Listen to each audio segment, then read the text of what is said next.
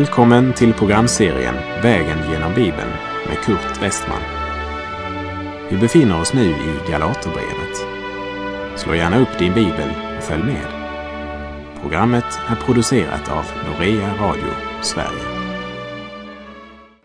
På vår vandring Vägen genom Bibeln så har vi nu kommit till Galaterbrevet kapitel 5 och vers 11.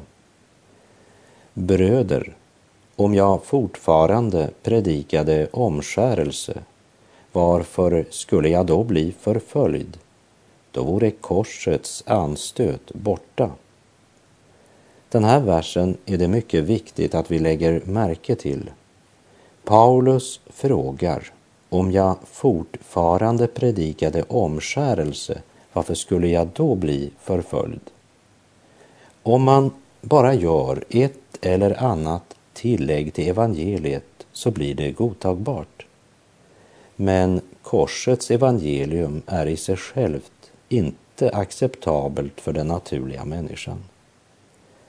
Hade Paulus hållit fast vid att det var nödvändigt att låta omskära sig så hade hans budskap inte varit så anstötligt för dem som byggde på laglydnad.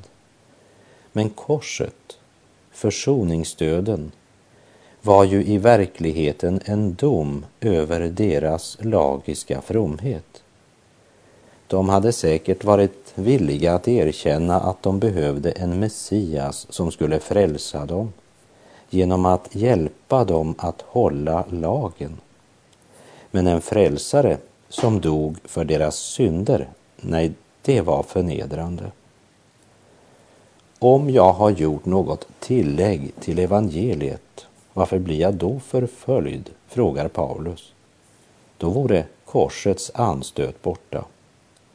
Korset är verkligen ett anstöt för allt det som människan är stolt över och vill skryta av. Det är till anstöt för hans moral och sedlighet eftersom det säger honom att hans gärningar inte kan rättfärdiggöra honom.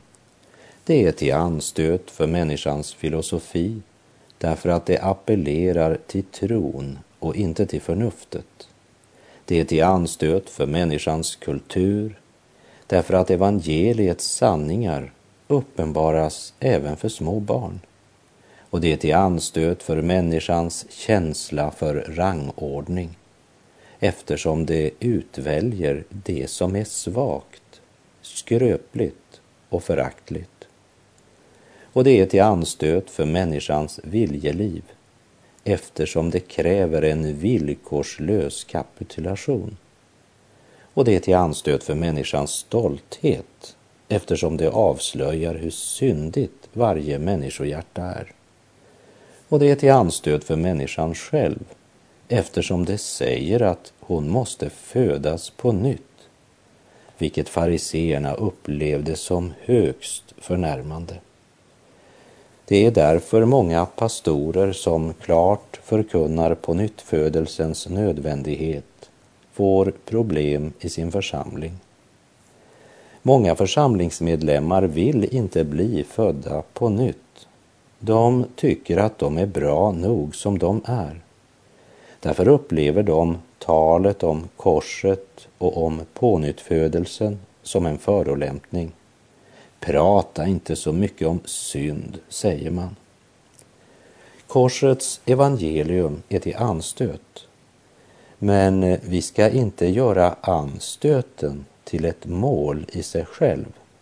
Inte fokusera på anstöten. Ibland kan vi uppföra oss så stötande genom det sätt på vilket vi försöker sprida evangelium att vi väcker anstöt. Må Herren förlåta oss för det. Det är inte vårt sätt som ska väcka anstöt. Anstötet ska vara korsets evangelium. Det har vi all orsak att tänka över och besinna. För det är tragiskt när det är kötslig iver som blir till anstöt hos världens barn. Men vi ska inte heller lägga något till evangeliet för att minska korsets anstöt. För de flesta former för villoläror har uppstått när människor försökt ta bort det som är anstötligt i evangeliet. Men alla som tror ett sådant evangelium blir mitt i sin religiösa iver dock skilda från Kristus.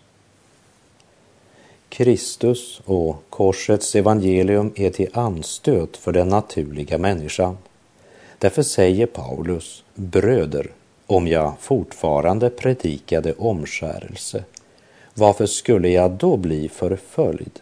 Då vore korsets anstöt borta. För omskärelsen ger människan en plats i det frälsningsverk som Gud alena har utfört i Kristus. Och så kommer han med ett oerhört starkt uttalande när han kommer till vers 12 som avslutar den dogmatiska delen av brevet. Vi läser Galaterbrevet 5.12. Det borde skära av sig alltihop, dessa som sprider oro bland er. Ni har mottagit rättfärdigheten från Gud genom tron och fått Guds helige ande utgjuten i era hjärtan. Sett budskapet stadfästas med åtföljande under och tecken. Upplevt friheten i Kristus. Ni tillhör Herrens förlossade. Herren är anden och där Herrens ande är, där är frihet. Och nu vill ni göra ett tillägg till korsets budskap. Nu vill ni försöka komma närmare Gud genom att omskära er. Paulus kommer med en kraftig varning till galaterna och ett ännu kraftigare ord till dem som sprider denna villolära. Ska de prestera något inför Gud med sin omskärelse, så låt dem göra det helt och fullt. Skär bort allt sammans. Uttalandet är så starkt att många har funnit det anstötligt och i vissa översättningar är grundtextens ord också nertonade och nyanserade. Men det bör få stå där med sin fulla skärpa. Det borde skära av sig alltihop, dessa som sprider oro bland er.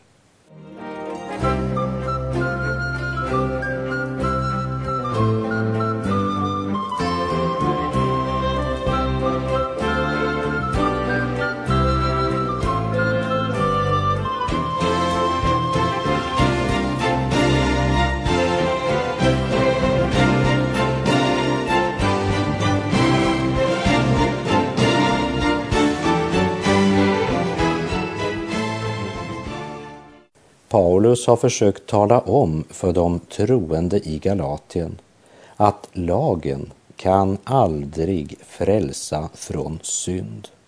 Den kan inte ens hjälpa mig att bli bättre. Lagen kan inte göra mig frisk. Allt lagen kan, det är att avslöja att jag är sjuk och behöver en läkare. När jag inser det, då har lagen gjort sitt. Men judaisterna förkunnade nu ett budskap i Galatien som var en blandning av krav och gåva. De förnekade inte nödvändigheten av Jesu försoningsverk. Inte heller hävdade de att en kristen var tvungen att hålla hela lagen för att vara rättfärdig inför Gud. Samtidigt sa man att det var vissa laggärningar som var obligatoriska till exempel att man skulle omskära sig och hålla vissa heliga högtider om man skulle bli frälst. Men nödvändigheten av Jesu försoningsverk förkunnade man ändå. Och därför fick man god ingång bland de troende i Galatien. Galatierna var på väg att förlora friheten i Kristus genom ett tillägg till korsets evangelium. Vi läser Galaterbrevet 5, vers 13. Ni är ju kallade till frihet, bröder. Låt bara inte den friheten ge köttet något tillfälle, utan tjäna varandra i kärlek. Det finns tre sätt på vilket människan försöker leva sitt kristenliv och två av dem fungerar inte. Det ena diket heter laglydnad, vilket Paulus skrev om till de troende i Galatien. Den andra avvägen heter lättsinne, vilket Paulus talade om i Romarbrevet 6.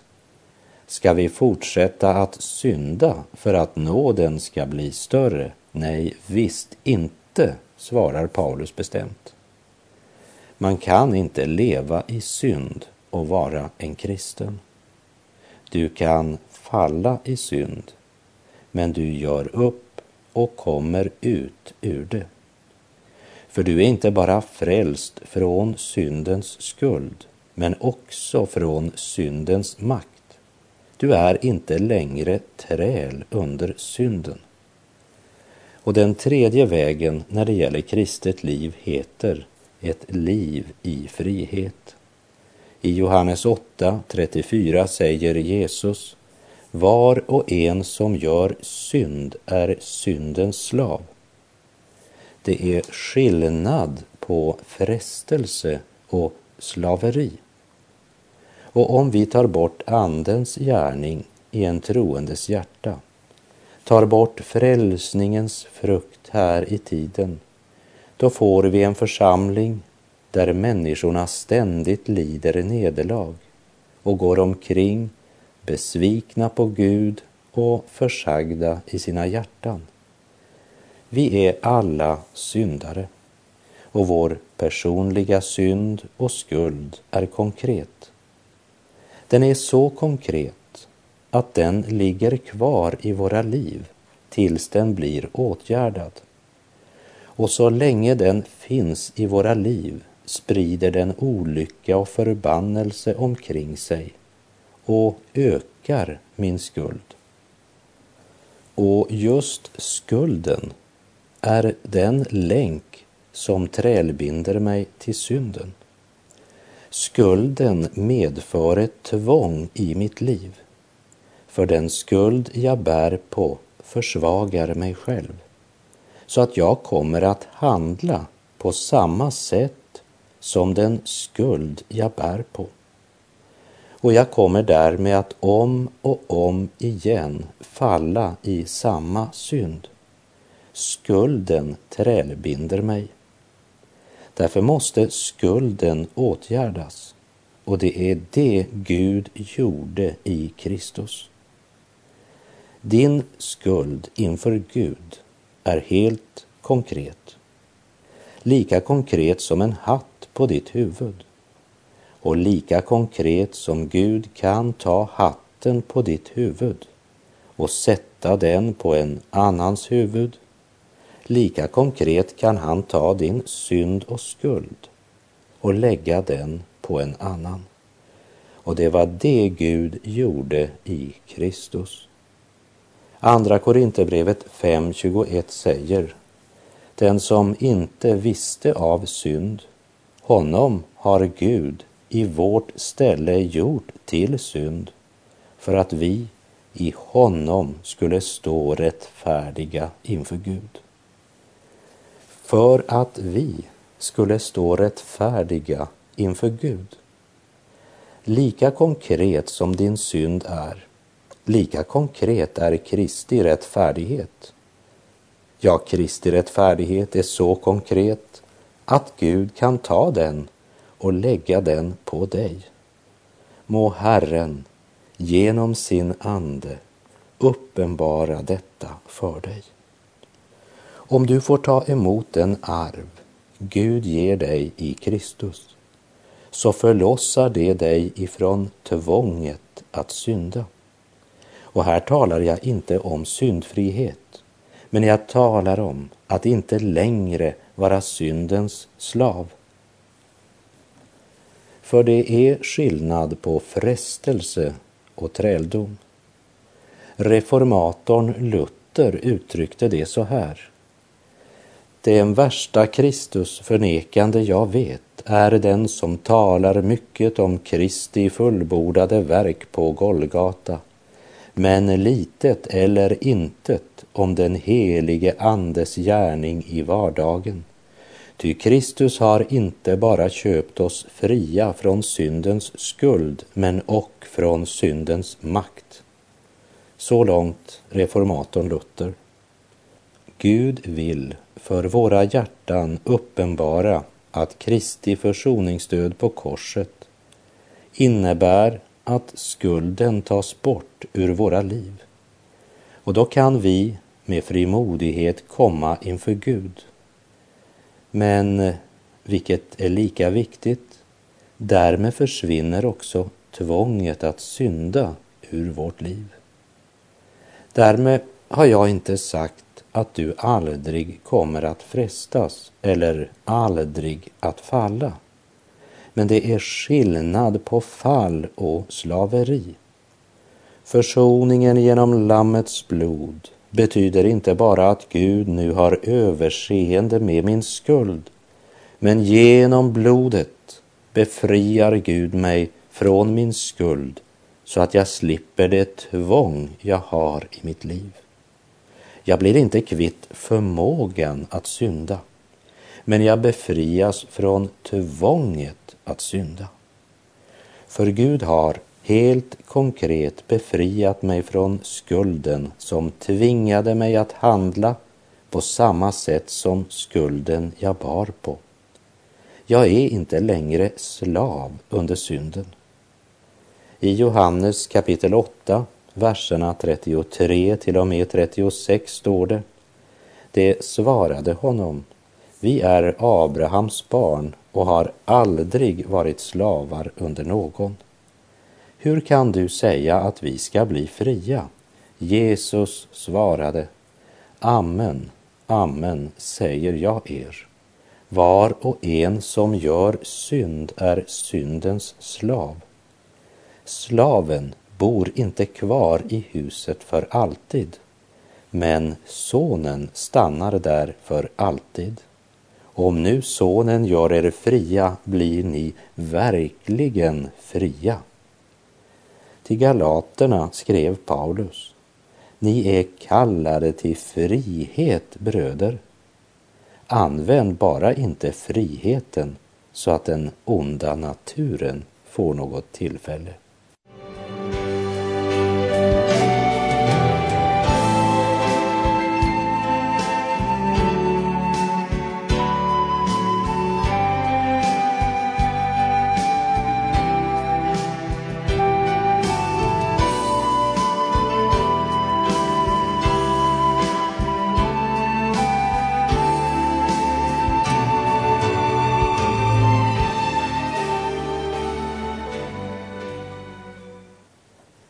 Fortsätter och tar några steg till i vers 13. Ni är kallade till frihet, bröder. Använd bara inte friheten så att den onda naturen får något tillfälle, utan tjäna varandra i kärlek. Paulus har mycket starkt varnat dem för att genom laglydnad försöka uppnå något hos Gud som man inte redan fått genom tron på Kristus. Men när han säger att vi i Kristus är fria från lagen så betyder det inte att den kristne har rätt att bryta Guds bud. Vi är fria från lagens förbannelse. Men friheten i Kristus är aldrig en frihet för köttet. Alla vägar har diken på båda sidor och så är det också med vägen till livet. Diket på den ena sidan heter rättfärdighet genom laglydnad och diket på den andra sidan heter kötslig frihet. Den frihet som låter vår gamla natur få någon möjlighet den friheten kommer inte från Kristus, men från honom som är Kristi fiende och som kallas för lögnens far. Och den frihet han erbjuder leder till evig död, oberoende av vad namn du ger den gamla naturens frihet. Jesus säger klart och enkelt i Johannes 14, vers 15. Om ni älskar mig håller ni fast vid mina bud. Vi är kallade till frihet i Kristus. Därför ska vi inte använda friheten på ett sådant sätt att den ger vår onda natur något tillfälle, utan vi ska tjäna varandra i kärlek. Vi läser Galaterbrevet 5, vers 14. Ty hela lagen är uppfylld i detta enda budord. Du ska älska din nästa som dig själv. Här ska vi bara nämna att när det gäller att älska sin nästa som sig själv så betyder inte sig själv egoismen. Den som inte är född på nytt, han kan varken älska sig själv eller älska sin nästa. Att älska sig själv i Guds mening, det är att alltid göra det som gagnar vårt andliga, eviga liv. Och när det gäller vår nästa ska vi handla med hans eviga väl för ögonen. Då älskar vi vår nästa. Och den kärleken skulle prägla alla våra ord och handlingar. Men lagiskheten är ingen god jordmån för kärleken, tvärtom. Men det var just lagiska tankar som hade börjat få ingång hos galaterna. Och då måste man låta omskära sig för att vara verkligt äkta kristen. Och med en blandning av gåva och krav strävade man för att bli mera andlig. Och andlig strävan är inte heller någon god jordmån för kärleken. Så galaterna var inte upptagna av att tjäna varandra. De strävade att överträffa varandra i renlärighet och laglydnad. Och i all denna andliga strävan blev man så trött och så irriterad att man blev kristna kannibaler, som Vernon McGee uttryckte det. Och innanför den kristna församlingsgemenskapen så råder det i många sammanhang denna atmosfär där man sårar, baktalar och angriper varandra. Eller undviker varandras blickar och tiger ihjäl gemenskapen. Men om du frågar, och nej då, man har inget emot någon i församlingen. Men ändå kan det vid kaffeserveringen vara vissa bord de helst går förbi, även om det finns en plats ledig. Tystnad, undvikande blickar eller onda blickar. Tankar och ord som är giftigare än bettet från en galen hund. Och den som tillfälligt besöker församlingen möter inte glädje, frid och varm gemenskap.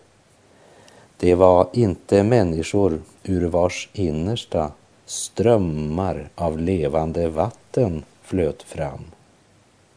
Men det var människor som bet och slet i varandra och runt kaffebordet pratade om väder och vind eftersom de hade övergivit den första kärleken.